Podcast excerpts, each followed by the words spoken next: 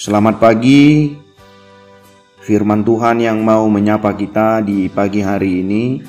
Sebelum kita memulai aktivitas kita, tertulis di dalam Injil Matius pasal yang kelima ayat yang ketujuh.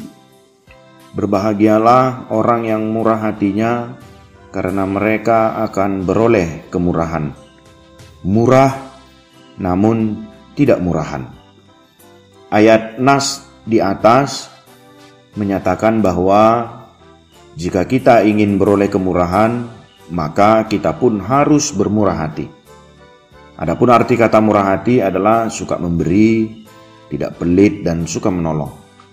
Karakter inilah yang harus dikembangkan dalam diri setiap diri anak-anak Tuhan, sebab kekristenan itu identik dengan kasih dan salah satu bukti bahwa kita memiliki kasih adalah murah hati.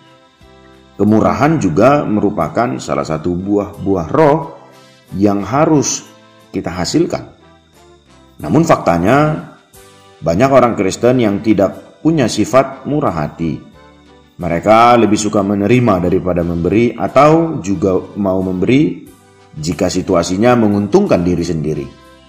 Padahal Alkitab menyatakan adalah lebih berbahagia memberi daripada menerima. Kisah Rasul pasal 20 ayat 35.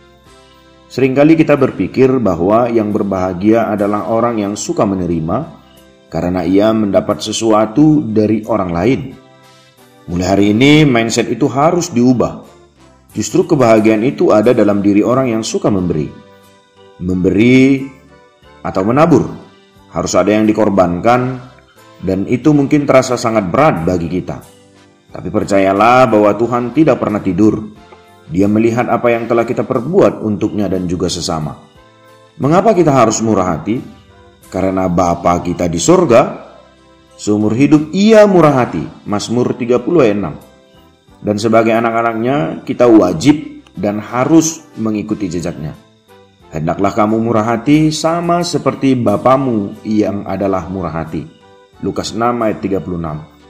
Bukti nyata bahwa Bapa itu maha pemurah ialah ia rela memberikan putranya Yesus Kristus untuk mati di kayu salib demi menebus dosa umat manusia yang olehnya kita diselamatkan. Selama pelayanannya di bumi, Tuhan Yesus juga selalu menunjukkan kasih dan kemurahan hati terhadap semua orang.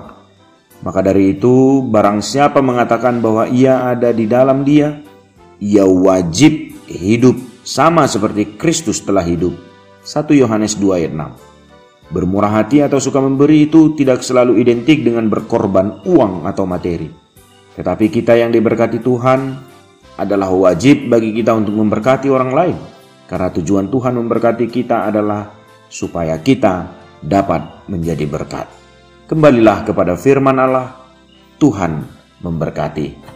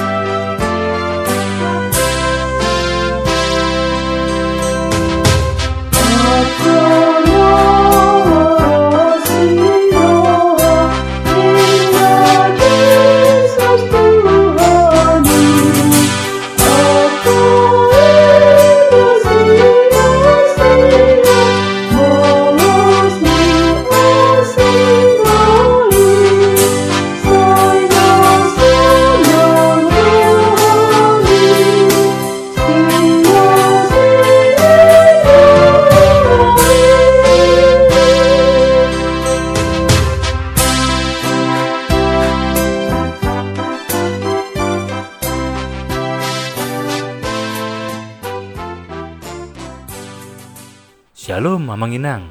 Terima kasih sudah mengawali hari dengan mendengarkan renungan hari ini. Yuk bagikan renungan harian ini kepada keluarga kita. Sampai jumpa di renungan harian berikutnya ya. Tuhan Yesus memberkati.